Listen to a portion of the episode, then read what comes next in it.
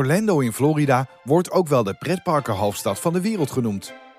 Een tropische bestemming met namen als Universal Studios, Walt Disney World, Busch Gardens en SeaWorld. Een bestemming die door vele pretparkfans onbereikbaar, maar ook zeker ongrijpbaar wordt gezien. Logisch, want alleen Walt Disney World beslaat al ruim 100 vierkante kilometer en is daarmee ongeveer net zo groot als de stad Utrecht.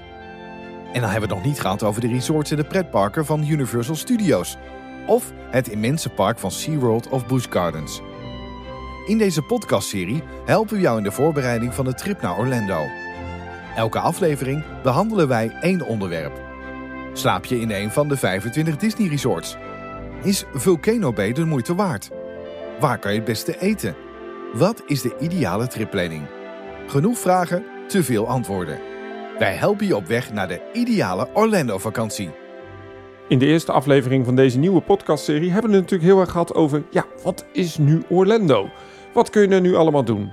Nou ja, die podcast duurde bijna anderhalf uur en, wel, dat geeft misschien wel een beetje aan hoeveel dingen daar te doen zijn.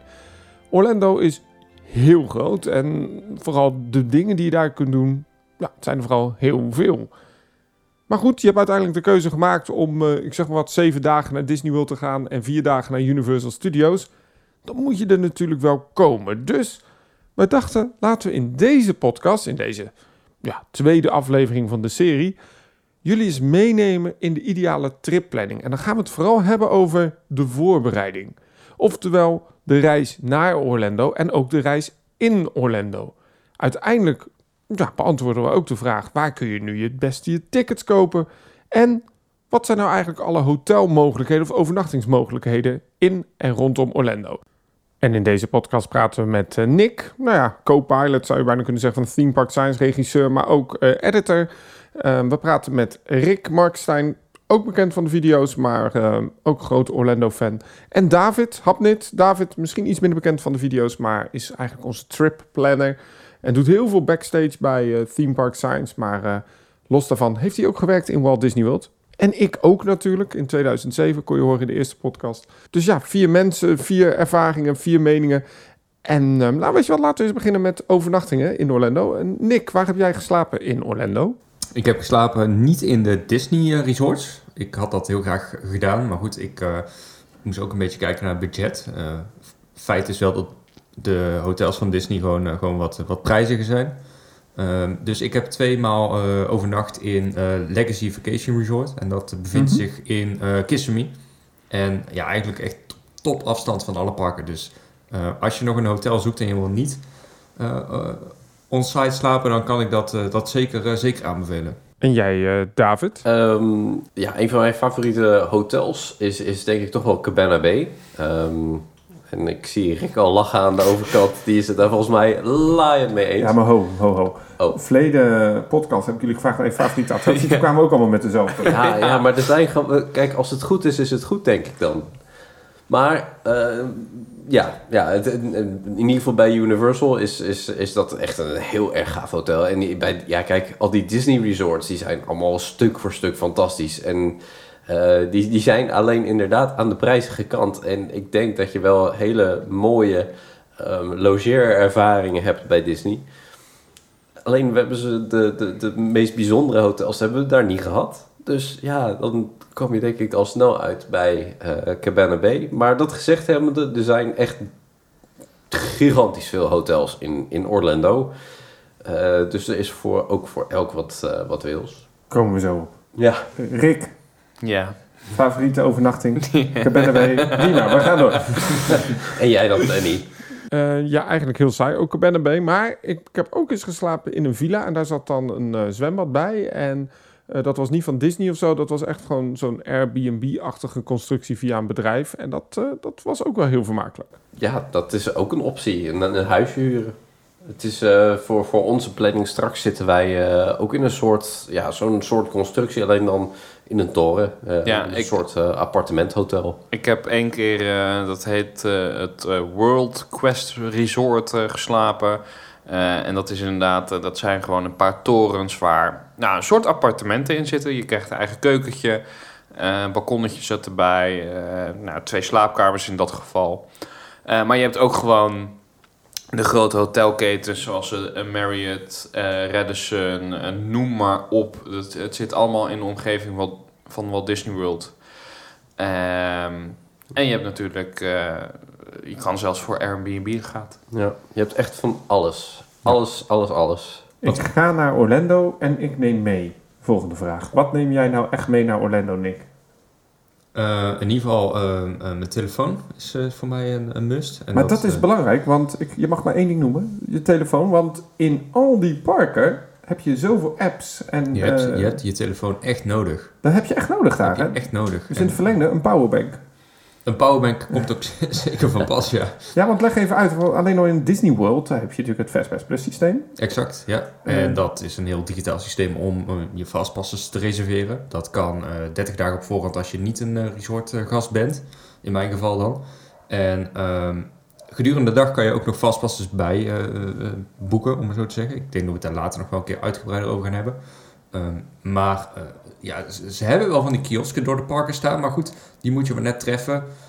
Dus het makkelijkste is gewoon om dat allemaal via je smartphone te doen. Dus die heb je echt nodig.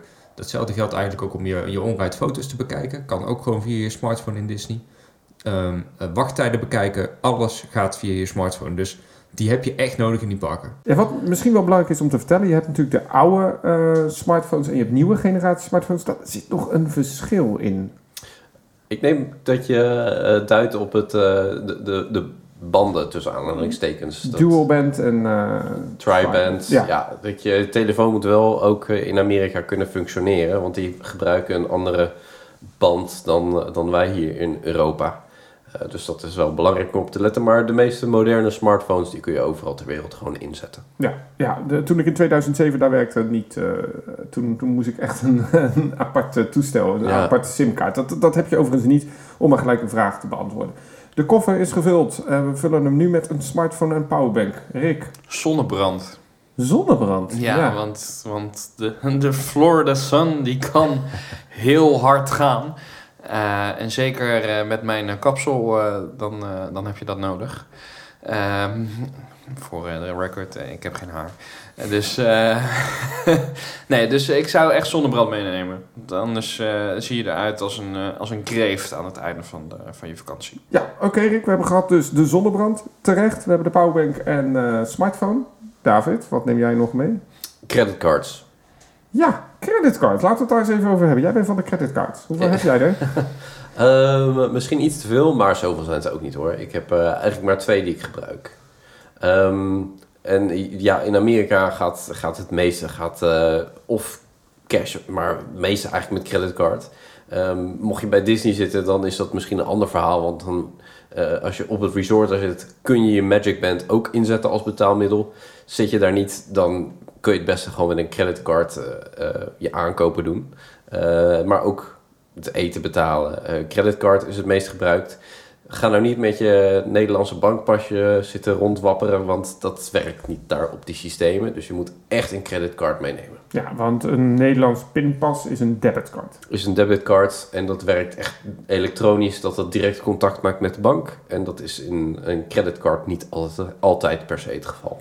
Dan voeg ik eigenlijk nog in de koffer een ehm, wereldstekker mee. Want, let op, in Amerika heb je natuurlijk eh, iets andere stopcontacten. En ehm, ja, het is een beetje een basic tip. Maar ik raad eigenlijk ook aan om nog een eh, stekkerblok altijd mee te nemen. Omdat je toch wel merkt dat je tegenwoordig steeds meer ja, adapters meeneemt. Of steeds meer... ehm, eh, stekkers in moet steken. En vaak in die hotelkamers heb je daar niet zo heel veel van. Dus als je één wereldstekker meeneemt en dan een stekkerblok, dan ben je gesetteld. En zeker voor ons als eh, vloggers, et cetera, ja, heb je toch wel wat eh, oplaadspullen elke keer na afloop van zo'n dag. Ja, het voordeel van die strategie is wel dat je maar één verloopstekker hoeft te hebben. En dan je, kan je de rest gewoon met Nederlandse stekkers opladen. Ja, dat scheelt zeker. Hey, ehm, belangrijk in deze podcast, en we zijn eigenlijk dus mee gestart. Wat neem je mee naar Orlando? Dus oftewel Trip Planning 2.0. We gaan jouw eh, trip naar Orlando in deze podcast iets makkelijker maken. We hebben nu al een aantal tips genoemd waar je misschien niet direct denkt. En dat is eigenlijk het idee voor deze podcast in de serie eh, Orlando. Dus we gaan jouw Orlando vakantie gewoon wat makkelijker maken. Er komen vast veel vragen binnen. Stel ze ook vooral, we zullen ze zeker een keer behandelen. Ehm, dus we beginnen eigenlijk met de reis naar Orlando. Laten we beginnen met je paspoort. Dat neem je mee. Maar er moet nog iets gebeuren. De, de, de ESTA. Eh, je moet inderdaad van tevoren bij de Amerikaanse overheid aangeven: hey, ik kom eraan. Eh, en dan moet je online een, een, een dat noemen ze een visa waiver eh, kopen. En daarmee mag je Amerika binnen zonder visa. Dat geldt niet voor alle paspoorten ter wereld, maar de Nederlandse paspoorten en ook de meeste andere Europese paspoorten. eh, die mogen gewoon gebruik maken van die visa waiver. Dat heet ESTA en die koop je gewoon bij de, eh, op de website van de Amerikaanse overheid. Ja, en let daar even ook wel goed op. Hè? Want er zijn, als je gaat googlen op ESTA, zijn er heel veel malafide bedrijfjes die ze ook aanbieden. Maar doe dat vooral niet. Koop, koop de ESTA gewoon bij de officiële regeringssite van, eh, van de USA. Daar, eh, daar is je ook gewoon het goedkoopst en eh, zit je gewoon in ieder geval safe. En het is daar gewoon in het Nederlands. Je kan hem gewoon in het Nederlands aanvragen. Ja, die ehm, officiële website is eh, gewoon te vinden via Google. De US Customs and Border Protection. Ga daar alsjeblieft heen. Dat is eh, heel belangrijk eh, om dat goed te regelen. En, en dan kom je aan op een vliegveld. En nu is het even interessant. Ehm, we gaan van Schiphol naar Orlando. Nou, even vanuitgaande dat we een directe vlucht hebben. Dan begint eigenlijk al ehm, op Schiphol een heel belangrijk punt. Je moet namelijk naar een standaard gate. En daar vindt de eerste check plaats als je nu naar Amerika gaat. Ehm, ja, dat, dat verschilt per luchtvaartmaatschappij. Ehm, en volgens mij wat voorheen inderdaad naar een speciale gate was, was bij Delta. Eh, volgens mij is het ondertussen ook weer opgeheven, maar dat verandert nogal wel eens. Ehm, en wat ze daar doen is, eh, ze controleren of je paspoort inderdaad geldig is. En eh, ze stellen je allemaal vragen over welke spullen je hebt meegenomen, of je het zelf hebt ingepakt, of je stout bent geweest. En als het allemaal goed gaat, dan mag je door. En dan mag je naar de echte gate toe waar eh, je vliegtuig staat. Ja, want ik kan me voorstellen dat voor veel mensen die nog niet naar Amerika zijn geweest, dat toch een beetje spannend is. Want ja, Amerika is best streng. Een streng land als het gaat om vliegen. Ehm, ik ben met een aantal mensen gegaan, die vonden het ook altijd wel een beetje spannend. Zeker op een Amerikaanse luchthaven. En dat komt voornamelijk omdat eigenlijk Amerika een heel gasvrij land is, behalve op het vliegveld zelf. Ja, dat is eventjes eh, op je tong bijten, eh, denk ik. Want eh, je wordt nors te woord gestaan alsof je als crimineel het land binnenkomt. Is natuurlijk niet zo. Maar tenminste, daar gaan we vanuit. Ehm, eh, en ja, dat willen ze gewoon controleren. En daardoor zijn ze vaak wat norsig. Ehm, maar als je eenmaal dat sta- eh, stadium of dat station gepasseerd bent, is het allemaal goed te doen. En Ja. blijheid, vrijheid, parken komen eraan. Jij bent een eh, vliegervaringsexpert.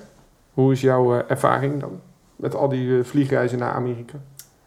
Ja, het, het is ehm, eh, vooral gewoon zo dat je eh, vriendelijk moet blijven, vriendelijk moet lachen, je moet doen wat ze zeggen en dan is het allemaal helemaal in orde. De vliegreis zelf, ja, ik vind het altijd gewoon wel leuk. Je zit op een stoeltje, je eet een hapje, je kijkt een filmpje en voor je het weet, eh, ja, ben je opeens aan de andere kant van de wereld. Wat belangrijk is, is dat je als je een directe vlucht zou hebben, stel dat dat weer gaat, dus dat je dus door de immigratie moet op Orlando. Ja. Maar als je niet eh, direct vliegt, dan ga je vaak via, nou, noem maar een paar vliegvelden op waarop je kunt... eh, Texas, Detroit. Detroit. Ja. En dan moet je daar door de immigratie. En dan zit er wel een verschil in als je dan daarna in Orlando komt, toch? Eh, ja, in die zin dat je dan niet weer opnieuw door die controles hoeft. Want dat heb je in feite in Detroit al gehad. Ehm, een goede tip wel als je op zo'n tussenluchthaven terechtkomt... is dat je goed oplet dat je eh, je bagage van de band haalt... nadat je de paspoortcontrole hebt gehad. En dat je die vervolgens weer op een andere band zet. Ehm, want je moet namelijk na het ophalen van je bagage ook nog door de controle over wat je in je koffer hebt meegenomen. Want ze willen uitsluiten dat je dierlijke producten bijvoorbeeld bij je hebt. Dus dat is ook belangrijk. Stop geen etenswaren in je tas. Een appeltje uit Nederland, niet doen. Nee, zou ik zeker niet doen. Ehm, maar het is inderdaad belangrijk om te weten dus dat je als je in Orlando komt, dat je of door de immigratie eh, nog moet, of je, eh, eh, je gaat op een andere luchthaven, dan hoef je dat niet te doen. Nu is het zo, Rick, eh, wij gaan binnenkort naar Orlando als het doorgaat. Jij hebt ehm, een vlucht eerder. Ja, wij moeten door de immigratie op Orlando, want Ja. wij gaan vanuit Europa eigenlijk direct. Wij vliegen via Engeland. Ehm, en jij komt maar een half uur eerder aan, maar jij zegt in de planning dat gaat nog wel even duren. Ja, dus ik heb... eh, jullie gaan inderdaad via Manchester. Ehm, dus jullie hebben een overstap in Engeland. Wat, nou ja, het was Europese Unie, maar eh, eh, dat, dat moet redelijk vloeiend gaan verlopen. En jullie, jullie komen dus Amerika pas binnen in Orlando. Ik heb een vlucht eerst naar Newark. Dat ligt vlak naast New York. Dus ik kom daar al Amerika binnen. Dus ik moet daar door de immigratie heen. Eh, maar als ik dus de volgende vlucht neem naar Orlando, kom ik in Orlando kom ik op de domestic eh, terminal binnen, dus de binnenlandse vluchten. Ja, en daar loop je zo uit. Dat is echt, eh, dat is, daar is nul controle in principe. Ehm, wat ik nog wel als tip wil meegeven is dat je dus als je zo'n vlucht plant, zorg er dan voor dat als je een overstap hebt in Amerika, je dus rekening houdt met de tijd die je nodig hebt om door die immigratie te komen. Dat je dat niet eh, denkt binnen een uur eh, voor elkaar te krijgen. Dus je moet echt wel zorgen dat de overstap daar nou, minimaal twee uur is. Over eh, tijd gesproken, er zit ook wat tijdsverschil in, hè? Eh, Orlando heeft zes uur tijdsverschil met Nederland. En ehm, ja, je zult eigenlijk ook aan de oostkant van Amerika overstappen. Dus eigenlijk zodra je in Amerika bent, dan zit je met zes uur tijdsverschil. Ja, dan eh, kom je aan op een luchthaven. Eh, Orlando International Airport. Dat is eigenlijk een, de grootste daar zo in Orlando. Maar er is er nog één. dat is Orlando Sanford. Ja. Sterker nog, er was er vroeger nog één. Die bevond zich in Walt Disney World zelf. Magic Kingdom had ooit een eigen vliegveld. Maar niet echt gebruikt. eh, heel veel. Alleen in het begin met de bouw. Ehm, twee verschillende luchthavens. Dan ook twee verschillende diensten daar zo.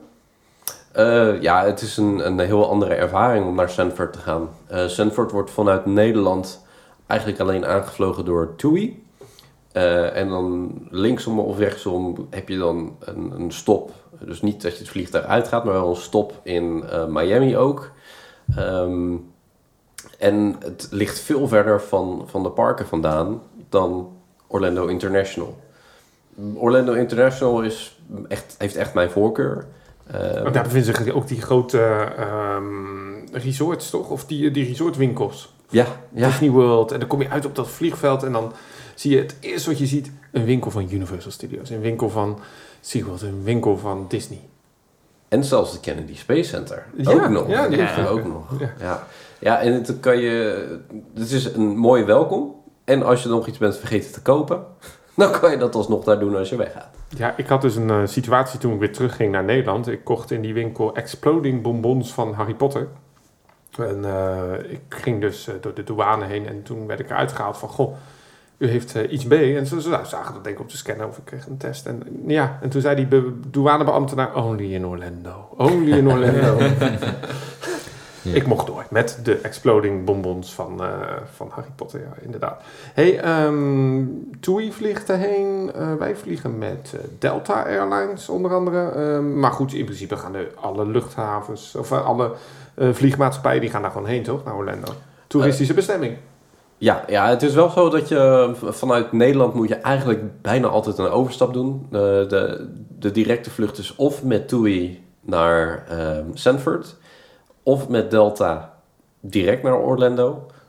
Je hebt wel op dit moment dat die vlucht niet uitgevoerd wordt door helaas de coronapandemie.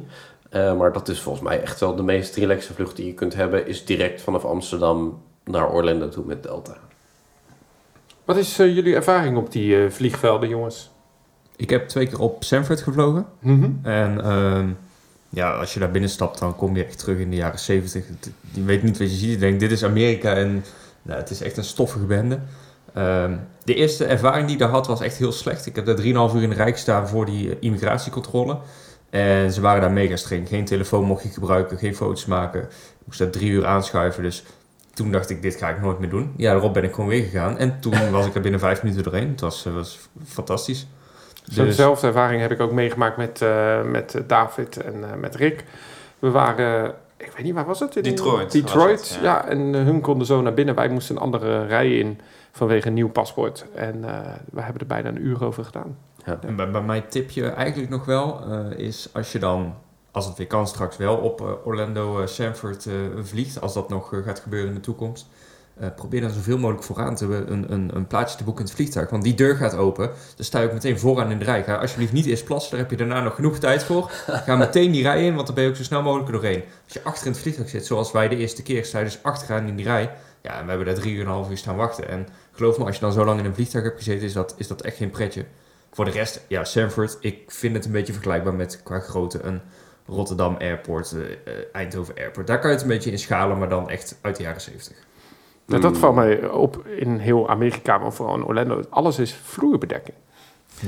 Ja, dat klinkt heel raar. Ja. Ja, is nee, dat is zo. Dat is zo. Ja. ja. Dat, eh, voor iedereen die dit is geweest, die zal denken, ja, inderdaad. Nou, zoals hier op tafel ook, maar alles heeft een vloerbedekking. Van, van, van die smerige, Ja, en dan loop je daar met je sneakers eh, knetterstatisch te worden. Dat elke eh, metalen handgreep die je aanraakt nog één grote explosie geeft. Maar ja, het, het is nou eenmaal zo. En eh, je kan er ook niks aan doen. Eigenlijk zeggen we gewoon, de ervaring van Orlando begint na die controle.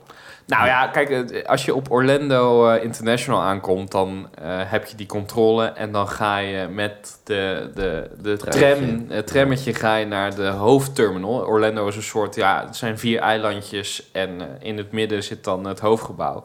En dan krijg je dan zo'n spiel te horen van... eh, This is Mayor Buddy Dyer, eh, welcome to Orlando. Nou, dan, ja, ik voel me dan thuis. Ik vind dat fantastisch. Ja, ja, ja, dat is zeker zo. Ja, dat is de echte, de, de, de, de eerste eh, pretparkervaring is, eh, die Ja. monorail. Ja. En ook de laatste. Ja. En dat is tragisch. Het is het eerste en het laatste, de echte Ja. attractie die je hebt inderdaad. Ja, ja, dat vind ik wel heel gaaf. hey, we gaan gewoon even onze vakantie af. Het eerste wat wij meestal doen is niet zo'n Magical Express nemen... oftewel zo'n bus naar de resort... maar wij huren vaak een auto. Een auto, ja. Ehm, een auto heb je gewoon veel meer vrijheden dan, dan dat je met zo'n bus gaat. Eh, want kijk, die bus is natuurlijk ooit bedacht dat je met de bus naar Disney World gaat. En dan ben je in Disney World en blijf je in Disney World. En geef je geld uit. En geef je geld uit. ja, precies. dat gaat er weer uit, ja. Ja, ja. En ehm, ja, weet je, je kunt ook wel andere dingen doen. Eh, alleen dan moet je een, een, een taxi nemen. Of, eh, nou ja, mocht je eh, het kunnen uitvogelen met de lokale bus. Ehm, maar, Nee, maar we gaan eerst even naar die naar huurauto. de huurauto. Ja, Ja. want eh, hoe hebben jullie dat gedaan? Eh, ik weet Rick en David huurauto. Wat heb jij, Nick? Ja, ik heb ook eh, twee keer een huurauto eh, eh, genomen. En dat kan ik ook eh, iedereen aanbevelen. Want ja, met het openbaar vervoer, het is toch een hoop gepland en gedoe. Dus ik kan dat zeker iedereen aanbevelen. En ik heb daar ook nog wel wat leuke tips over. Want ik heb twee keer bij Alamo eh, gehuurd. Dat is een grote ja, rental service daar, wel bekend. En ehm, dan word ik toch weer een beetje Nederlander, maar dan ga ik op de kleintjes letten. En je kan daar dus, ik weet niet nog steeds, volgens mij is het nog steeds zo, maar je kan daar dus een Toyota Igo huren of een C1 of dat soort type auto's. Want het is gewoon een wereldwijd bedrijf. Dus die huur je vervolgens daar. Dan kom je daar aan bij dat carcenter. Maar heel die auto bestaat bijna niet in Amerika. Daar rijden ze alleen maar in grote auto's, grove auto's. Met als gevolg dat jij redelijk goedkoop een auto hebt. Want je betaalt voor een kleine auto. En je komt er op die parking. Maar die auto's die hebben ze helemaal niet. Nee. Met als gevolg, twee keer toe heb ik het meegemaakt. Dan zeg joh, kies maar wat uit. Ja, en dat is, dat is echt, echt een tipje om, eh, om mee te nemen. Ja, een automatische upgrade inderdaad. Een automatische Dat, eh, gratis ja, upgrade. ja. Eh, daarnaast, eh, de eerste keer was ik nog geen 25. En dan moet je wel rekening houden met een underage fee. Dat is ook wel bekend in Amerika. Dat betekent dat jij, een, een, in mijn geval was het een bedrag van eh, 35 dollar per dag. Dus dat is best fors. Betaal je dan extra als risico dat jij een eh, underage driver bent. En het risico hoger is op ongelukken en dat soort tafereelen. Dus die moet je er wel bij rekenen als je, als je onder de 25 bent. Maar ehm, ik, ik kan het zeker aanbevelen om wel een auto eh, te huren. Absoluut. En, eh, heb jij nog eh, tips voor je auto? Ehm, nou, het, het, als je hem een auto huurt bij eh, het autovuurbedrijf direct, eh, dan is het vaak wel wat duurder. Maar dan zitten ook de verzekeringen bij namens het autovuurbedrijf. Boek je nou de auto via een, een eh, tussenpartij, eh, zoals carrental.com bijvoorbeeld, dan moet je er rekening mee houden dat de eh, autovuurder niet in hun systeem staat, dat je daar een verzekering bij hebt genomen. Dus zij zullen je dan proberen een verzekering aan te smeren. Eh, En die heb je al afgenomen. Dus dat hoeft dan helemaal niet meer. Dus dat zijn wel dingen waar je op moet letten eh, als je een auto gaat huren bij bijvoorbeeld een tussenpartij. En, en hetzelfde geldt ook een beetje voor eh, die upselling voor een navigatiesysteem bijvoorbeeld. Hè. Probeer ze je te slijten. Ja, doe dat niet. Je hebt gewoon een telefoon Ja, met precies. Google Maps, kan je gewoon offline Ja, zetten. Het absoluut. zijn allemaal van die kosten die je gewoon niet nodig hebt, dus, dus doe dat vooral niet. Over verzekeringen gesproken. ehm, hoe, ja, reisverzekering, laten we het toch even noemen. Je hebt het nodig. Ehm, dat kan tegenwoordig gewoon via... Ik weet dat ik het heb afgesloten bij mijn eigen bank, de ING. Doorlopende reisverzekering, inclusief eh, Amerika-dekking. Maar die sluit ik altijd af voor die periode dat ik er ben, want dat is dan wel iets goedkoper. Ik heb hem het hele jaar door. Denk er wel aan, hè? je reisverzekering, eh, dat is heel belangrijk. En zorg inderdaad goed die voorwaarden altijd lezen, ook bij je car rental. En eh, inderdaad, wat, eh, wat David zegt, een hele goede tip om dat echt gewoon bij zo'n maatschappij zelf te doen. Niet zozeer bij een tussenpersoon. Eh, vaak die kleine lettertjes en al die fees die je dan nog achteraf moet betalen, is, is toch een beetje duurkoop. Ja, dan gaan we toch eh, vanuit de car rental rijden. En dat is voor heel veel mensen heel spannend. Zeker de eerste keer in een nieuw land, nieuwe regels, eh, nieuwe auto. Eigenlijk ben je moe, komt uit het vliegveld. eh, dan ga je rijden in Amerika. Jongens, tips rijden in Amerika. Ehm, als eerste tip zou ik zeggen: kijk even of je hier in een automaat kunt rijden als je het nog nooit gedaan hebt. In Amerika zijn alle auto's automaat. Eh, dus als je hier een beetje ervaring mee met een automaat hebt opgedaan, als je dat nog- nooit eerder hebt gedaan, dat helpt heel erg. Anders ben je wel heel erg aan het zoeken. Ehm, en je moet er rekening houden in die eerste kilometers al met eh, tolwegen, want je keert waarschijnlijk meteen een tolweg op. Dus ehm, zorg dat je eh, in ieder geval eh, dollars bij je hebt. En ik ben een beetje bang dat in de toekomst alles elektronisch gaat. Eh, dus dan moet je of op de luchthaven al een tollbadge weten te bemachtigen, of je moet het eh, op rekening doen bij het autovuurbedrijf. Ja, de, de meeste autobedrijven, in ieder geval toen ik er was, die hebben gewoon een, een, een Sunpass, volgens mij heet dat. En die kan je erbij aanschaffen en dat wordt achteraf op rekening gebracht. En eigenlijk veel beter, want dan zit je allemaal niet met het cashgeld te, te, te stoeien. Kan je gewoon doorrijden door zo'n poortje en dan krijg je netjes achteraf gewoon de rekening gepresenteerd als je je auto inlevert. Ja, doe je nou een hele tour door eh, Florida, dan is het wel goed om zelf zo'n Sunpass eh, inderdaad aan te kopen. Want ze berekenen per dag dat je het gebruikt. En als je dan zelf een Sunpass hebt, of een, een toll badge, dan eh, ben je goedkoper uit dan dat je het helemaal via de autovuur laat doen. Ja, er is nog iets op die snelwegen. De express lanes. Als je met veel mensen in de auto zit, bedoel je. Ja, wat, is, wat houdt dat in? Nou, laten we gewoon, wat zijn de express lanes? Met de express lane, eh, dan mag je eigenlijk, eh, ja, dat is een aparte strook. Ehm, en die express lane strook, die staat jou toe om daarop te rijden als je met meer dan x aantal personen in een auto zit. Dat hangt een beetje vanaf van eh, welk gebied je rijdt. Eh, en in het geval met files bijvoorbeeld, dan heb je soms kans dat je er echt voorbij kunt rijden, omdat je meer mensen in je auto hebt. Eh, maar daar zijn die express lanes in ieder geval voor. Ja, dat is echt wel iets anders dan wij kennen. Want wij kennen dat helemaal niet in, in, in Nederland eigenlijk. Zelfs in Europa ken ik niet dit systeem zoals ze in Amerika dat doen. Ze doen het overigens ook in andere delen van Amerika. Ehm, maar nu, eh, de i4 is een, eh, wordt flink opgeknapt. Ook op het moment van opnemen. We nemen dit op in 2021, in eh, april. Ehm, ja, dus dat is wel even spannend natuurlijk. Weet je wat ik trouwens het meeste opval als je op die snelwegen rijdt? De borden. En dan weet je precies wat ik ga zeggen. Daar staat dus niet op eh, Amsterdam-Noord, het Rijnkanaal links of naar Zoetermeer. Nee, daar staat op Epcot, Magic Kingdom, Universal Resort, SeaWorld naar links. Rechts ga je naar, naar, naar, naar de Hollywood Studios. Ja. Ja, Eh, andere tip die ik heb wel is dat eh, in Amerika hebben ze op de snelwegen het Keep Your Lane systeem. Oh ja, dat klopt. Ja. Dus in, in Nederland eh, rijden we eh, zoveel mogelijk eh, rechts en doen we eh, eh, eh, zoveel mogelijk eh, inhalen aan de linkerkant. In Amerika blijf je op je rijbaan. Ehm, daarnaast ook, eh, wat ik ook mee kan geven, in Amerika eh, zijn de rijlessen niet zo goed. Eh, dus mensen kunnen daar ook niet zo goed rijden. Dus je moet in Amerika ook voorbereid zijn dat je wat meer afstand houdt. Mensen op de meest vreemde momenten in hun reis opeens vol op de rem trappen. Er hangen geen matrixborden boven de weg. Dus zorg echt dat je ruim je afstand bewaart.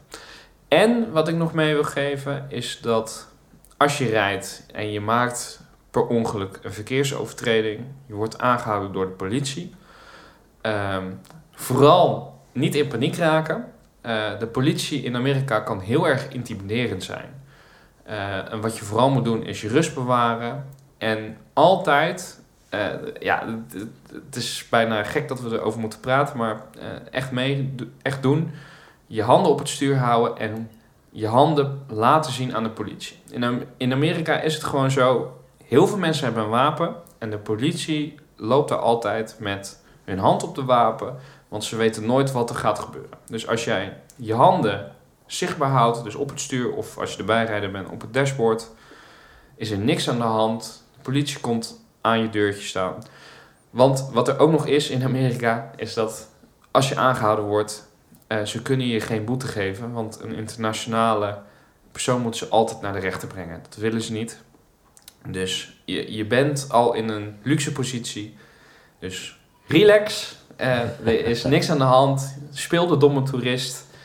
Uh, en dan komt alles goed. Dat is eigenlijk ook de tip die we gaven op, het, op de luchthaven. Hè. Probeer gewoon mee te werken. En uh, ga niet in discussie. Wees niet arrogant. Dat wij in Nederland toch snel even een discussie aangaan. Uh, mensen die een, een, een machtspositie hebben in Amerika gebruiken dat ook iets meer. Um, dat is, er is niks mis mee, dat is geen waardeoordeel. Maar ik zou wel altijd even in gedachten houden als je in zo'n situatie komt met een beveiliging van een park of met, een, met zo'n politieman of een sheriff. Het, zijn inderdaad uh, mannetjes of vrouwtjes. En uh, werk maar gewoon mee. Dat, dat is sowieso altijd het. Anders zou ik ook in Nederland doen over het. En een la laatste tip die ik nog heel veel toevoeg aan jouw uh, verhaal. In Amerika is het ook altijd gewoon normaal dat rechts door rood mag rijden. Dat wist ik dus de eerste keer oh, niet. Tenzij ja. anders aangegeven. Dus daar moet je wel op letten. Maar ik heb de eerste keer meerdere malen voor rechts voor rood gestaan. Dat auto's achter mij begonnen te toeteren en te schreeuwen. Ja. En, maar je, je moet wel stoppen. Dat je moet wel, stoppen. je ja, moet wel, want dat heb ik ook een keer gedaan. Dat ik gewoon naar rechts ging en gewoon doorreed. En dan... Nee, kijk vooral even, dan stond de politie stop, achter mij. Stop, kijk naar links, kijk naar rechts. En dan uh, kan je door. Maar ja, ik zou sowieso adviseren. Lees gewoon heel even de, de verkeersregels uh, van, van, van Amerika na.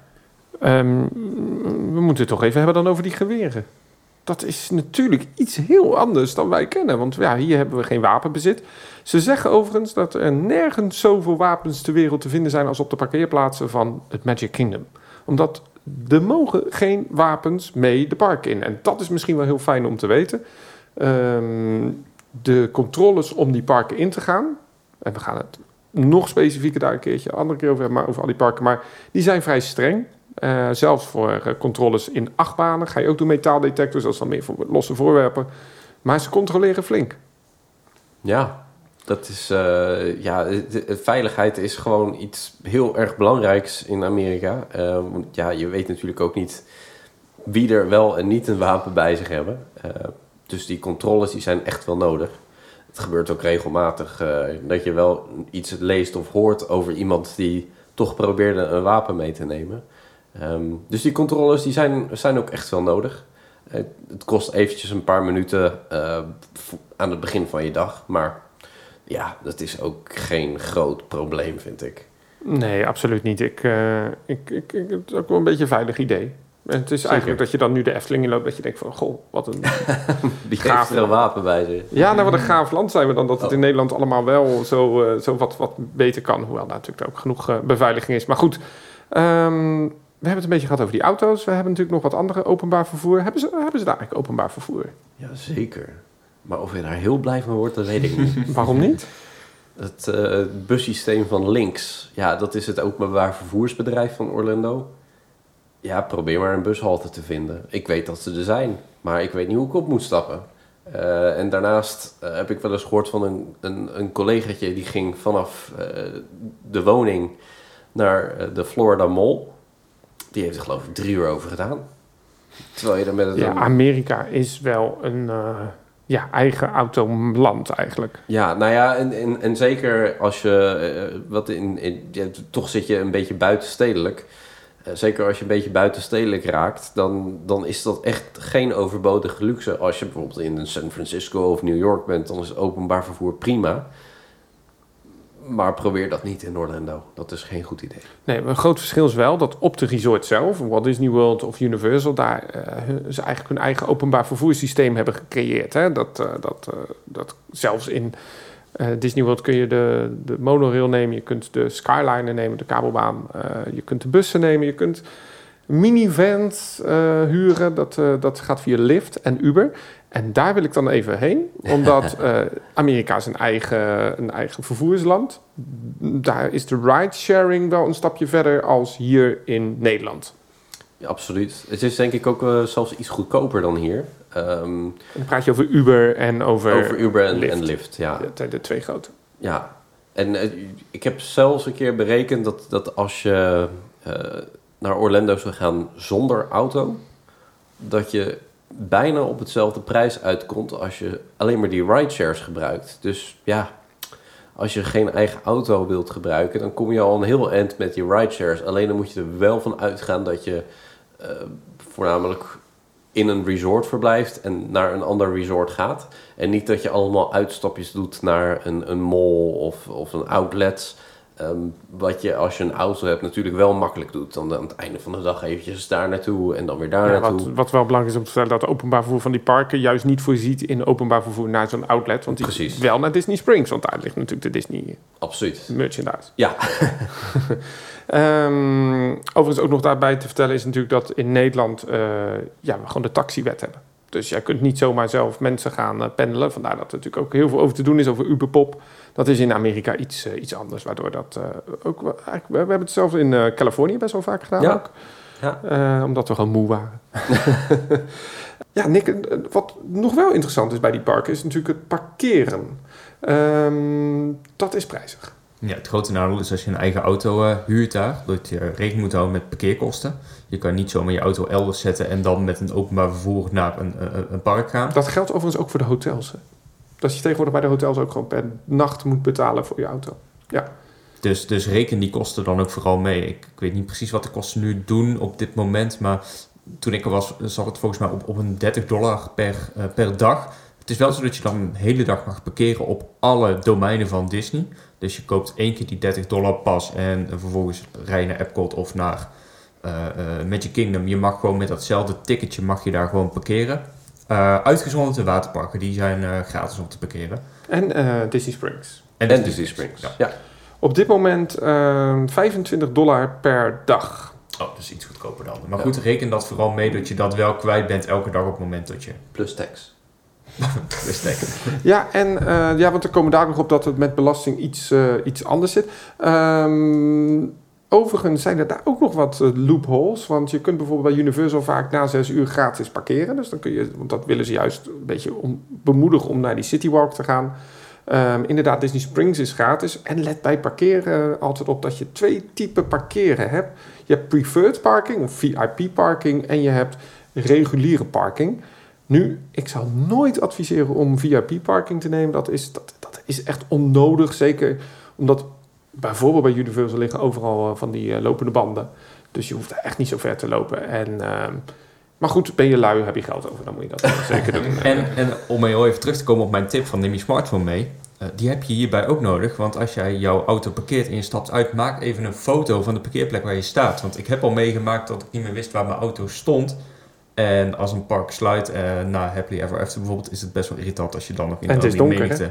je auto moet zoeken. Dus maak even een fotootje van waar je staat. Regelmatig last van. Nou ja, be- om maar aan te geven, bij Magic Kingdom heb je twee grote parkeervelden. Je hebt de, de, de good guys en de bad guys. Ehm, en als je in zo'n trammetje zit, en we gaan het uitgebreid nog een keer over hebben, maar dan is een van de meest gemaakte opmerkingen in het trammetje. You are standing on Simba 6. Simba 6. Ladies and gentlemen, you are standing on Simba 6. Simba 6. You are on the hero section. Sim en dat gooi je continu, je wordt gebrainwashed. En dan maar toch nog vergeten. Hè? Dat Ja. is echt onmogelijk. Maar ja, dan, eh, dan loop je dus na het einde van zo'n zo, zo'n Disney-trip moe. En dan moet je dus vragen... ehm, eh, David, waar staat mijn auto? Ja. Dat gebeurt. En dan stap je alsnog weer in het verkeerde trammetje. En dan ben je weer een half uur verder.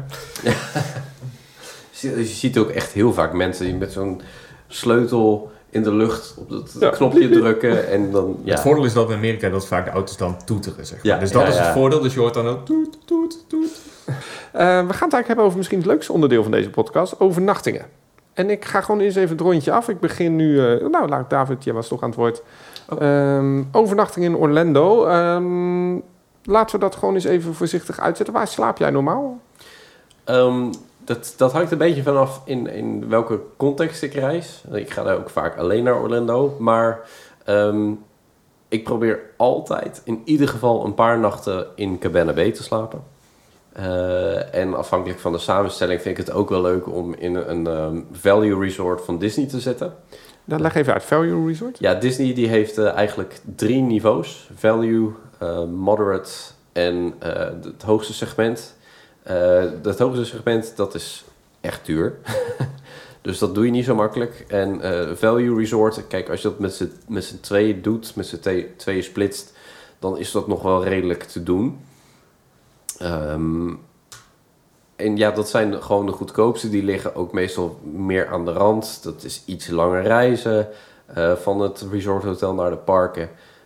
Maar net zo Disney als de, de, de andere resorts. Eh, in, in, en dan heb ik het over de, de service en de dienstverlening. ehm, gewoon de hele vibe. Ehm, ga ik alleen, dan zoek ik wel echt naar een goedkopere optie. Eh, en dan, ja, dan kan je zelfs al overnachten voor ongeveer 35 tot 50 euro per nacht. En dat is dan ook best redelijk te doen. Ja, Disney heeft een eh, aantal type gradaties resorts. Ehm, je hebt de Disney Resort Hotels. Daar kun je denken aan eh, inderdaad de campground, waar je hebt gewerkt natuurlijk. Hè. Dus de camping, daar kun je je caravan eh, of je trailer neerzetten daar. Je hebt de Value Resorts, dus dat is Pop Century, et cetera. Je hebt de Moderate Resorts en je hebt de Deluxe Resorts. En dan heb je ook nog Deluxe Villa's. Dus er is nog een eh, gradatie extra. Daarnaast bieden ze ook eh, nog partnerhotels aan, waaronder de Swan en Dolphin, eigenlijk de grootste deluxe partnerhotels. En dan hebben ze ook nog ehm, de Disney Springs Resort Area hotels. En het leuke daarvan is, is dat dat eh, echt bij Disney Springs ligt, ligt ook vlak naast Ja. de I-4. Dat is eh, Is op loopafstand kan je naar Disney Springs. Ja. ehm, Rick, Ja. waar slaap jij normaal? Ehm, ja, ik heb eh, vele varianten gehad. Eh, dus inderdaad eh, de Cabana Bay en eh, Value Resort. Ik heb, zoals eerder aangegeven, heb ik ook een hele vakantie in zo'n World Quest appartementgebouw gezeten. Waar ja, dat, dat ook in de buurt was. Ik heb ook keren gehad waar ik in het Radisson vlakbij Disney Springs sliep. Ehm, En Radisson is natuurlijk een hotelmerk, dat is een hotelketen inderdaad. zoals Marriott. Precies. En eh, dan heb je gewoon een kamer. waar- Formule 1. eh, Formule 1 zou ik dan niet adviseren. Daar hebben ze is niet volgens mij ook een is Euro- is wel Europees. Motor, Motor 6. Motor 6 wel, ja. Ehm, nee, dus, dus ja, het, het ligt er een beetje aan wat je behoeften zijn. Nou, daar gaan we het zo over hebben. Nick? Ja, ik heb dus geen, geen on-site eh, ervaringen bij zowel Universal als Disney. Ik heb twee keer eh, overnacht in eh, Legacy Vacation Resort. Dat eh, ligt dus in Kissimmee. Ik vraag me wel erg af van luisteraars die dit, die dit horen. Wat, wat zouden dan de voordelen precies zijn volgens jullie van zo'n Disney Resort? Want als je de bedragen bij elkaar vergelijkt, er zit zo'n gigantische gap tussen. Ik snap wel dat het merk Disney erop zit. En dat jij die vastpassen eerder krijgt, waar we het later over zullen hebben. eh, en het vervoer. Maar is dat het allemaal waard, die extra upselling? Eh, ik, ik vind het eigenlijk van wel. Eh, dat, dat zit hem niet alleen in het merk Disney. Het zit hem ook omdat dat merk eigenlijk eh, service vertegenwoordigt. Dus eh, weet je, dus, eh, ze zorgen goed voor je. En, ehm, Nou, laat ik zeggen, je hoeft nergens over na te denken. Dat, nou ja, ja, ja. dat, daar komt het misschien ook wel op neer. Maar er zitten ook dingen bij, zoals die extra magic hours. En dat is gewoon extra parktijd die je er gratis bij krijgt. Dus aanhalingstekens gratis, maar die krijg je erbij. Ehm, of als je eh, bepaalde merchandise koopt, ja, je hoeft er niet meer mee te zeulen, want zij zorgen ervoor dat het naar het hotel gaat.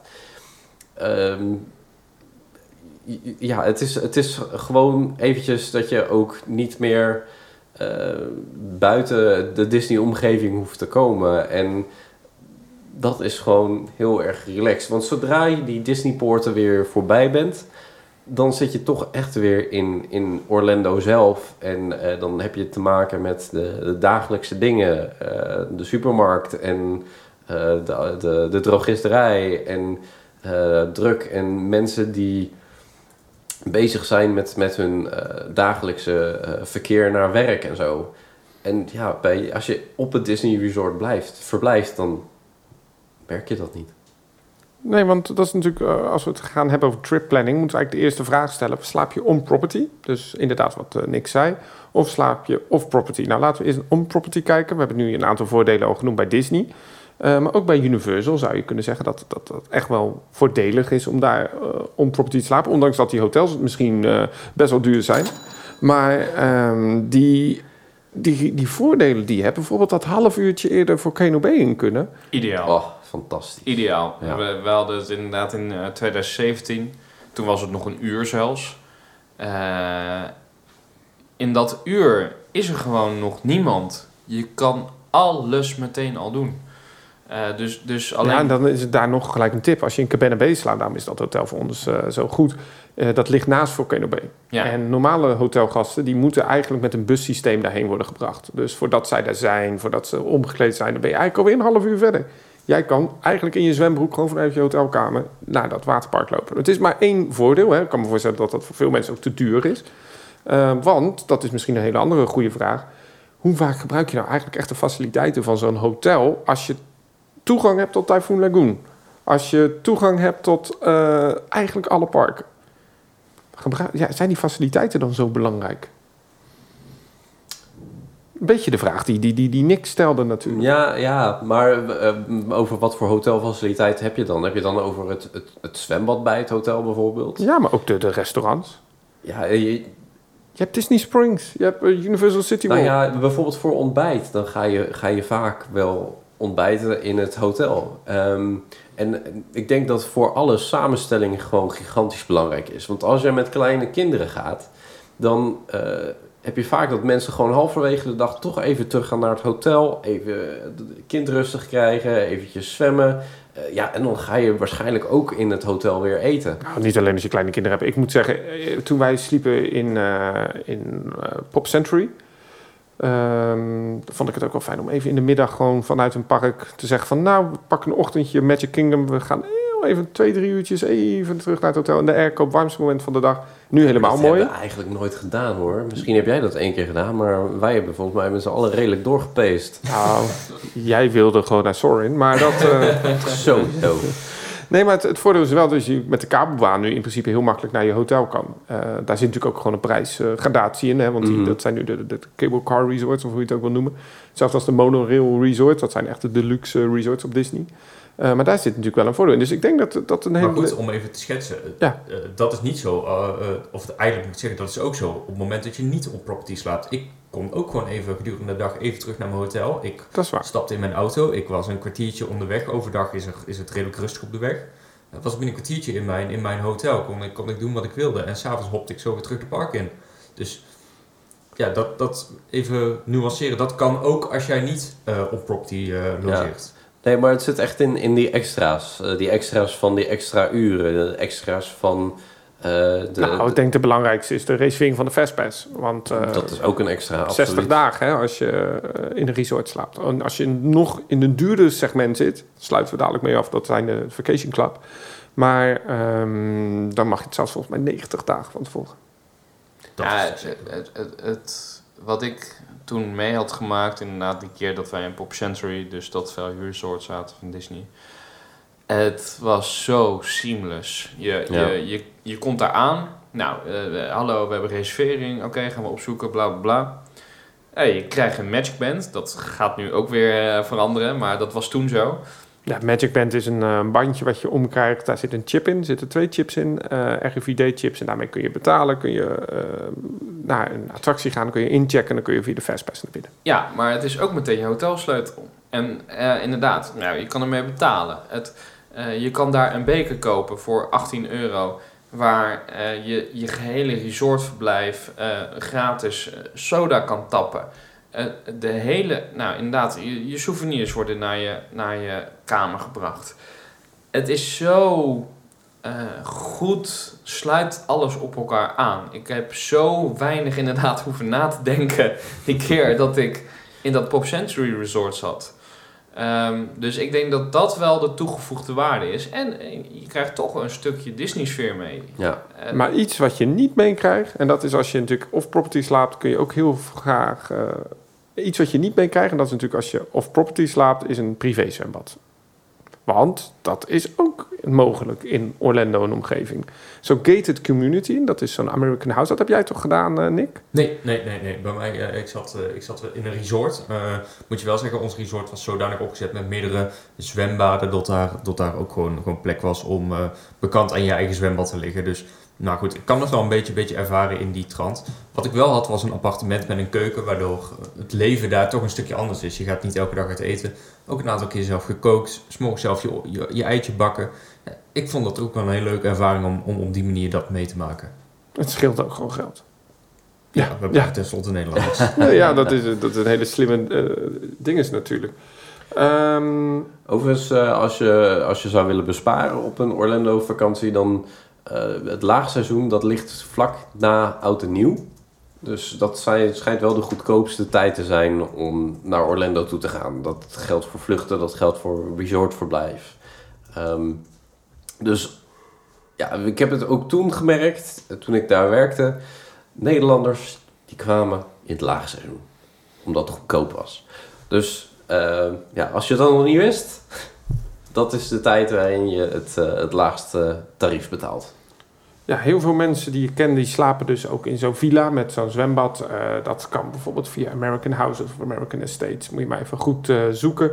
Ehm, ik denk een goede tip voor jou. ehm, ik, ik moet het anders zeggen. Kijk, een goede tip voor mensen die een vakantie plannen naar Orlando is. Ik, ik weet niet wat hun budget is. Hè?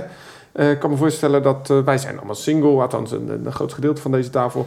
En eh, ja, wij hoeven niet voor het hele gezin te betalen. Hè? Dadelijk, Nick, ga, jij met de kleine, hè? Dan, dan kost het ineens drie, tickets of drie hotelbedden. Ehm wat mij heel erg belangrijk is, is om te kijken even naar de locatie. En ik denk dat het hmm, nou, misschien wel een tipje is om wel echt in Orlando, ook voor alles wat we in de eerste podcast zeiden, toch echt in Orlando te blijven. Want je kunt heel makkelijk goedkoper buiten Orlando. Je kunt ook grote resorts als de Gaylord Palms, dat eh, enorme resorts, maar dat ligt net even buiten eh, de rijroutes. Ehm, ja, Gaylord Palms ligt misschien, ik zie mensen hier. Ja, ja, precies. Ja, Ja, die kijk, valt wel mee. Die valt wel mee. En je hebt inderdaad, want je zegt van ja, in Orlando, kijk, als je het natuurlijk over downtown Orlando hebt, dan ligt weer buiten de, de parken driehoek van Universal, SeaWorld en, eh, en Walt Disney World. Ehm, ik zou hem daar binnen wel zoeken. Wa- Wat je denk ik bedoelt is zeg maar hotels die meer bij het vliegveld liggen of dus boven downtown Orlando. Ja, Ja. Dat, dat is wel weer een andere categorie eh, die je dan... Het zijn hele goede, hele goede resorts, hele goede hotels. En echt qua prijs ook een stuk lager. Maar ja, het is toch verder weg. Eh, het is meer reistijd. Ja, dat, dat is inderdaad van de reistijd tussen eh, bijvoorbeeld Universal Studios en eh, het resort en Walt Disney World is toch al gauw 20 minuten. Ja. Dus vergis je daar niet in, hè? Je denkt van, oh, dat ligt allemaal bij elkaar, maar al die minuten bij elkaar, dat telt toch allemaal wel op. Ja, vergeet ook niet dat als je natuurlijk een vuurwerkshow hebt gezien, zeg even dat om 10 uur eh, Happily Ever After gaat en om 11 uur loop je het park uit, ehm, dan ben je uit het park. Maar je bent nog niet op het parkeerplaats, je bent nog niet in de auto, je bent nog niet naar je hotel. En dat zijn toch best wel uren die erbij gaan op je dag. En dat is wat we eigenlijk, eh, eh, hè, wat Nick ook net eh, terecht opmerkt, van ik, ik heb ook even wat pauze nodig op een dag misschien. Wat het fijne daarvan is, is dat ehm, of wat het gevaar is, moet ik eigenlijk zeggen, van zo'n vakantie, is dat je zegt, oké, om 8 uur gaat het park open, Magic Hour is 7 uur. Dat betekent dus dat je 6 uur je wekker gaat. Eh, je moet daar dan weer heen, je moet ontbijten. Dus eigenlijk ga je alweer iets eerder opstaan. Ik, ik noem maar even een, een, een paar tijden. Dus die dag is niet alleen maar die openingsdagen van die, van die parken of die uren, maar het is daar alles omheen. En dan is reistijd, en dat is de ligging, heel belangrijk. En ik zou bijna zeggen, om een goede vakantie te doen, is een beetje hotel hoppen ook niet zo'n heel raar iets. Als je zegt van ik blijf zeven dagen op Disney en je hebt een goede aanbieding, neem een on-property hotel. Terwijl Ja. als je dan, iedereen moet dat zelf kiezen natuurlijk bij zijn voorkeur ligt, en als je dan al die andere parken doet, kan je misschien zo'n villa huren of je kunt een Marriott eh, Courtyard in. Je hebt allemaal al dat soort merken. En om daar even op aan te haken, op het moment dat jij eh, in geen Disney hotel zit, dus off-property, mag jij ook gewoon die resorts bezoeken. Hè? Jij mag daar gewoon binnenlopen, jij mag daar gewoon een, een restaurantreservering doen. Eh, jij mag daar rond gaan kijken. Dus, dus het is niet zo dat je daar niet mag komen. Je kan gewoon heel die ervaring toch een beetje meemaken als niet Disney gast zijnde. Ja, laat je niet weerhouden door, eh, door de security daar, die daar voor de poort staat. Je hoeft alleen maar eventjes eh, een identiteitsbewijs te laten zien en je mag eh, lekker rond gaan neuzen daar. Ja, absoluut. En er komen zeker nog tips, ook in de toekomstige podcast. En nou, de, de tip en mijn verplichtingen bij een bezoek aan Magic Kingdom is ook een bezoek aan de, de resorts die daar buiten liggen. Omdat je daar vaak goedkoop en rustig, of goedkoper en wat rustiger kunt eten. Ehm, laatste onderdeel, tickets. Want dat is voor heel veel mensen toch ingewikkeld. Ja, Eh, Wat zijn daar nu even algemene tips in?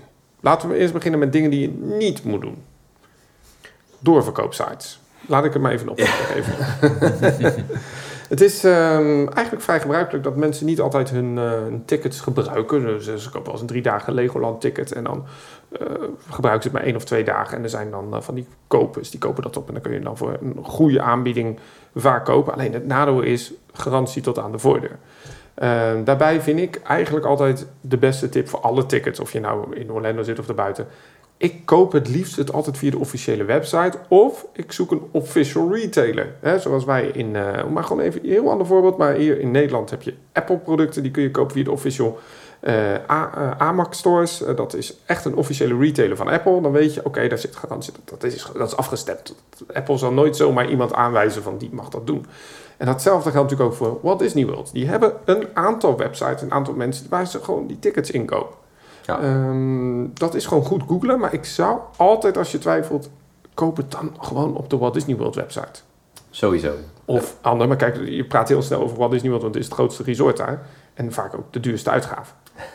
Ja, en het is eh, ook goed om te kijken naar andere varianten. Dus je hebt bijvoorbeeld van Disney World heb je een .com en die leid je of door naar de Nederlandse versie of door naar de Amerikaanse versie. Maar soms heb je ook een betere aanbieding op bijvoorbeeld de Ierse versie of de Britse versie. Ehm, dus dat is ook eventjes eh, rekening dat je toch nog ook bij Disney moet shoppen tussen de verschillende eh, Disney websites. Exact. Eh, we hebben gisteren de prijzen gewoon eens opgezocht in voorbereiding van deze podcast en onze eigen website of van onze eigen trip. En ehm, toen kwamen we erachter dat er 15 euro verschil zit op een zevendaagse pas tussen de UK-versie en de Ierland-versie. 15 euro. Nou, dat is toch weer één cocktail in eh, Disney Springs, zeg ik dan. Ehm, en het voordeel is natuurlijk, kijk, als je een arrangement koopt via Disney, er zitten vaak hele goede pakketaanbiedingen bij. Dat Ja. geldt ook voor Universal. Belangrijk trouwens om bij Universal te zeggen is dat vrijwel alle hotels niet van Universal Studios zelf zijn. Dat is eigenlijk van een andere partij. Ja, die worden gerund door Lowe's. Ja, bekend, eh, zeker in Amerika. Wij kennen het denk ik niet zo heel goed in eh, Europa. Maar daarom zijn die hotels misschien qua aanbiedingen ietsje moeilijker te vinden. Zo'n mooie pa- package deal. Maar ehm, de grootste tip die ik kan geven voor Walt Disney World tickets is... ga naar de officiële website en ga rechts onderin... kun je de website op een andere taal zetten. Ehm, dat kan de Ierland-versie zijn, dat kan de euro-versie zijn... dat kan de ponden-versie zijn, de dollar-versie... En zet dat er gewoon op en ga dan naar die aanbieding kijken. disneyholidays.co.uk of disneyholidays.com. .ie. eh, .ie. En eh, vaak herkent hij natuurlijk aan de hand van je IP-adres waar je vandaan komt. Dus doe dat dan ook manueel nog even checken. En eh, dan krijg je vaak goede aanbiedingen. En nou, we hebben het natuurlijk gehad over die Walt Disney World tickets. Ehm, we moeten het natuurlijk even hebben over andere eh, resorts. Ehm, ja, ik zou bijna zeggen voor Universal kun je één op één dat ook wel doen. Kijk even op de website. Maar check ook als je meerdere dagen wilt gaan. Dat misschien is het goedkoper om een abonnement te nemen. Ja. Ehm, let wel op die, dat sommige abonnementprijzen echt voor Orlando only is. Hè, voor de mensen die dus echt wonen in of rondom Orlando of Florida. Ehm, dus daar moet je altijd even goed kijken naar die prijzen.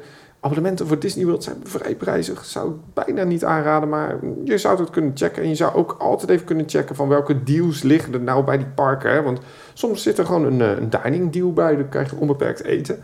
Ehm, en er zijn dus echt wel wat official retailers van die, van die webshops. Maar check dan altijd even bij het park. En dat kan ook gewoon via social media. Je kunt gewoon tegenwoordig een appje sturen of een, een tweet sturen naar een park van... Goh, is dit een, een legitieme aanbieding? Eh, Check het altijd, want het is eh, veel geld. En zeker in covid-tijd ook qua garantie belangrijk. Ja. Ehm, eh, een echte planning qua tickets, maar ook qua trip planning is om te kijken naar ehm, eh, de unofficial Guide. Daar wil ik toch even reclame voor maken, want dat is een, eh, wordt gerund door Len Testa en eh, Jim Hill. Die hebben ook een fantastische podcast. Veel beter dan dit. En ehm, die meten echt op wetenschappelijk niveau de wachttijden. Die maken tripplanningen. Die kunnen echt op wetenschappelijk niveau ook inschatten wat prijzen doen. En die weten vaak ook van tevoren wanneer er aanbiedingen komen. Ehm, die hebben zo goed contact in de wereld, ook met al die travel agents. Ehm, dat kost wel geld om daar lid van te worden, maar dat is het vaak echt 100% waard om een abonnementje te nemen op uh, die, uh, op die uh, dat, is, dat is Touring Plans. Touring Plans, dankjewel. Ja, ja. ja en is zeker. Ik heb dat ook, ze doen zowel Walt Disney World als Disneyland Anaheim. Ik heb een keer voor de gein heb ik zo'n zo'n plan gemaakt en dat gevolgd. En uh, nou, voor 95% klopt dat gewoon. Dat was echt bizar. Ja, nog, ik heb uh, met uh, ooit als deze serie voorbij is, als we uitgepraat zijn, kan het over Orlando. Dan gaan we het zeker een keer hebben ook over Californië. Wij hebben toen David een, een, boekje gekocht, de Unofficial Guide. En ik zei tegen David, zo gaat dat. David plant de trip, ik plan alles in de parken. We gaan wel deze route volgen. En dat deden we. En we dachten, waarom gaan we nu beginnen bij deze attractie? En doordat we daar begonnen, konden we de eigenlijk de drukte tot een uurtje of twaalf echt voor zijn. Ja. En de helft van het park hebben we bezocht zonder wachttijden, zonder moeilijke dingen. Dus het is um, absoluut een, een, website om in de gaten te houden. En ze hebben hele goede crowd calendars. Ja, en dat was waar ik heen wilde inderdaad. Want dan kun je heel goed ook inplannen van... oké, welke dag is nu slim om te bezoeken? Want uh, heel veel aanbiedingen, en dat is eigenlijk een beetje de standaard aanbieding van Disney... je krijgt altijd best wat dagen gratis. 7 is 14 dagen. Mm -hmm. um, en dan heb je best wel wat flexibiliteit in je, in je planning... om te zeggen van, oh, ik zie op die touring plans, op die crowd calendar... dat er een, uh, een drukte 8 staat in Epcot... terwijl de dag daarna een drukte 4 staat... Dat heeft ook te maken met de vuurwerkshows. Dat heeft te maken met heel veel special events of uitkopen. Um, dat kun je eigenlijk, heel, eigenlijk best wel één op één gewoon overnemen, die planning. En als je dan het abonnementje aanschaft bij Touring Plans, uh, krijg je ook de dagen dat je in uh, Orlando bent of, of waar dan ook bent, kan je hun app downloaden. En die app die geeft ook weer exacte ja, wachttijden aan. En ja, dat kan ik ook iedereen aanbevelen. Die app die heeft 9 van 10 keer juist. en Disney manipuleert daar toch misschien een klein beetje af en toe in. Nou, misschien. Zeker weten. Ja. En, en die app uh, is fantastisch. Die geeft echt goed aan waar het druk is, waar het niet druk is. En dat krijg je ook voor dat geld erbij. Dus dat, uh, ja, ko koop gewoon een abonnementje daarop. Dat, uh... Ik heb trouwens nog wel een tip voor, um, want we hebben het nu over app, uh, telefoon mee. Um, wat wel belangrijk is, is dat je wil gebruik maken van internet in de parken. Uh, Walt Disney World heeft een wifi-netwerk, Universal heeft een wifi-netwerk, maar die zijn niet, uh, die zijn acceptabel, maar niet uh, volledig toereikend. Je kunt op diverse websites kun je een Amerikaanse simkaart kopen die je toegang geeft tot het 4G-netwerk van Amerika. Dat kost je, nou zeg 40 dollar. koop die simkaart. Ja, Want het maakt absoluut. je leven zoveel makkelijker. Zeker ook als je gaat rijden. Ja, dan hoef je niet je Google Maps op offline te zetten. Dan kan je gewoon uh, je internet gebruiken. Dan heb je meestal zijn dat pakketten waar je een maand unlimited internet hebt. Uh, dat zijn echt lifesavers. Want als je het via je provider doet, dan, uh, dan Ja, ben je echt veel Nou ja, soms, eh, ik, heb, ik heb het dus wel twee keer via de provider hier gedaan. En eh, ik heb beide keer een, eh, een bundeltje genomen van, ik zeg 10 MB per dag. Dat klinkt echt mega weinig. Maar die 10 MB is gewoon genoeg om je fastpass zo te doen. Als je al je apps uitzet, die data besparen, denk aan Facebook, Instagram, YouTube. Zorg dat dat, dat geen data binnenhaalt. Dan kom je met die paar MB echt wel weg op het, op het gebied van fastpasses. En op het gebied van navigeren als jij je maps gewoon offline hebt staan. En, Ja, en wat raad je influencers aan? Ja, want dat, dat, dat is... ja. Ik ga jou natuurlijk bellen, eh, FaceTime, als ik eh, in Maar de goed, Galaxy's ik, ad ik heb sta. hele goede, hele goede ervaring met het wifi-netwerk eh, in, eh, in Walt Disney World. Ik weet niet of Ja, allemaal zo goed. denken, maar ik heb echt, eh, ik vond het fantastisch. Ik heb daar inderdaad in Epcot heb ik gewoon, eh, gewoon zitten facetimen met het thuisfront en dat, eh, dat werkte gewoon vlekkeloos. Dus, eh, Ja, dat is de hoop dat ze dat in eh, Parijs eh, ook, eh, dat, dat netwerk. Dat is ongelooflijk goed, ook in die waterparken. Maar inderdaad, eh, het is altijd iets langzamer dan het 4 en 5G-netwerk. Eh, je hebt tegenwoordig op heel veel telefoons ook gewoon dual SIM. Dus je hoeft nog eens je simkaartje, je Nederlands simkaartje eruit te halen. En nog even een, een, een laatste snelle tip is natuurlijk de landcode qua telefoon. Ehm, dat is niet plus 31 zoals Nederland, maar dat is eh, plus 1. Plus 1. En, en sla telefoonnummers inderdaad in je telefoon op met plus 31 voor een Nederlands telefoonnummer. Want dan kun je gewoon direct bellen. Eh, in plaats van dat je eerst een ingesprek toon krijgt. En Ja, zeker de- de- problemen de- en zo. De, de, de, de in case of emergency Precies, telefoonnummers. precies. Ja, dat is eh, sowieso even een handige travel tip in het algemeen. Ja, ik eh, nog qua, eh, qua geld, we hebben het erover gehad inderdaad van neem je creditcard mee, want die is gewoon onmisbaar. Eh, je enige punt waar, waar je je pinpas, waar je wel op moet letten, je Nederlands pinpas, is als je bijvoorbeeld geld uit een ATM wilt trekken, eh, dat je zorgt dat je pinpas op wereld staat. Oh Want ja. anders doen de ATM's het niet. En ik heb wel eens op midden in Epcot, eh, voordat Illuminations begon, bij een pinapparaat daar een rij van 20 mensen gecreëerd. Ja, hij doet het niet. Ja, oh, ja, oh wacht, ik had hem niet op, ehm, op, eh, op wereld gezet.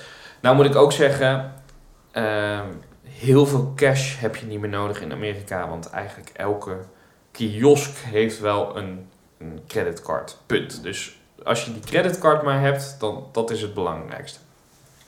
Ja, misschien ook een klein tipje nog over geld. Eh, cash heb je inderdaad niet nodig om te betalen, maar het is wel heel handig om gewoon een setje dollarbiljetten gewoon in je portemonnee te hebben. En ja, Amerika is toch wel het land van de, van de fooien. Dus Ja. zorg dat jij wel gewoon genoeg dollars bij je hebt om gewoon af en toe iemand een fooitje te geven. Dat zal je zeker in dank worden eh, afgenomen. Dus zorg wel dat je die, die cash bij hebt, want die kan je niet zomaar eh, een fooitje ga, ga je niet met je creditcard Nou eh, ja, geven. ik vind dit wel even om nog toch iets langer bij stil te staan. Fooien in Amerika. Ehm, Dat werkt echt anders als in Nederland, vooral in de horeca. Ja, nou ja, de horeca is inderdaad een grote, maar het is, het is eigenlijk door de hele maatschappij heen. Het is gewoon een onderdeel van iemands salaris. Dus waar wij denken van ja, eh, 15 tot 20 procent geven, ben je gek. Eh, dat is daar dus gewoon salaris en daar moet je rekening mee houden. Online vind je ook wel terug wat je zou moeten geven aan een taxichauffeur of een kapper. Of, Nou, eh, sterker aan- nog, het staat ook heel vaak op bonnetjes. Hè. Je, je krijgt een bonnetje van zoveel procent is... eh 15 procent is 10 euro. eh, zou ik maar zeggen, dat staat ook gewoon uitgewerkt. Ja, maar dat is echt alleen in de toeristische plekken. Dus als, je, als je naar de Chili's gaat of zo, dan Ja. staat het er niet op. Eh, en je moet natuurlijk ook rekening houden dat je bijvoorbeeld eh, degene die je, je kamer onderhoudt in het hotel, dat je die ook voor je geeft.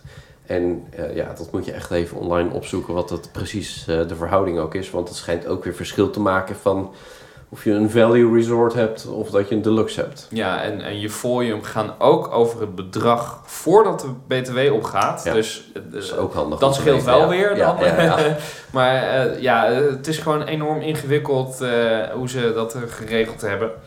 Ehm, dus inderdaad, let daarop. Ja, maar essentieel is te weten is dat het wel echt onderdeel is van Ja. het salaris. Bij ons is voor een extraatje, koop je wat leuks voor. Maar dat Ja. is echt onderdeel. En ehm, daarbij natuurlijk nog even toegevoegd eh, dat eh, BTW ook iets anders gaat. Eh, dat wordt vaak achteraf berekend, zit dus niet in de prijs. Check dat, het staat overigens altijd als exclu, dus excluding VAT, V-A-T. Eh, dat staat overigens altijd bij, overal bij, maar bedenk dus als je een, eh, een eh, Dole Whip float neemt, dat dat eh, zonder Daar komt wel wat bij, ja. Ja. Dat verschilt overigens per county, eh, dus per, eh, ja, we hebben het eigenlijk wel provincie, gemeente. Eh, zelfs op het Disney Resort bestaan er verschillende eh, taxes, dus, het, eh, dus dat, de verschillende belastingen, dus eh, BTW's. En- En dan nog een dingetje over kopen. Eh, alcohol. Eh, in Amerika is de leeftijd 21. En in Florida weet ik dat eh, ze graag of je paspoort willen zien... of een ID-bewijs met een fotocopie van je paspoort. Want ik heb ook wel eens bij een Epcot Food and Wine standje staan... dat ik een lekker biertje wilde. Die overigens veel duurder zijn eh, dan in Nederland. In, eh, in Amerika betaal je al gauw eh, 9 dollar voor een biertje. Maar zorg dus echt dat je een fotocopie op je telefoon hebt van je paspoort met een, met je rijbewijs of zo. Eh, Ja. Dat hebben ze echt nodig. Nou jongens, zoals je hoort, ehm, eigenlijk weer een podcast, weer ja, over het uur met tips en tricks. En we hebben het nog ineens gehad over die parken. We hebben het niet gehad over Happily Ever After. We hebben het niet gehad over al die fantastische achtbanen in eh, Island of Adventure. Er is zoveel meer te vertellen. En ehm, weet je wat we gewoon afspreken met jullie? Jullie stellen de vragen via social media en blijf gewoon geabonneerd op onze podcast. En wij beantwoorden die vragen. En we gaan zeker in de toekomst nog meer van dit soort specials opnemen. Ehm, totdat we echt zijn uitgepraat over Orlando. Maar ik ben een beetje bang dat dit een ongoing project is. In ieder geval, dankjewel aan mijn gasten hier zo. En ehm, stay safe en abonneer je op Team Park Science. Dit was de Team Park Science podcast. Ga naar teamparkscience.com voor de documentaires op YouTube. Volg ons op Instagram en abonneer je op deze podcast via jouw favoriete podcast app.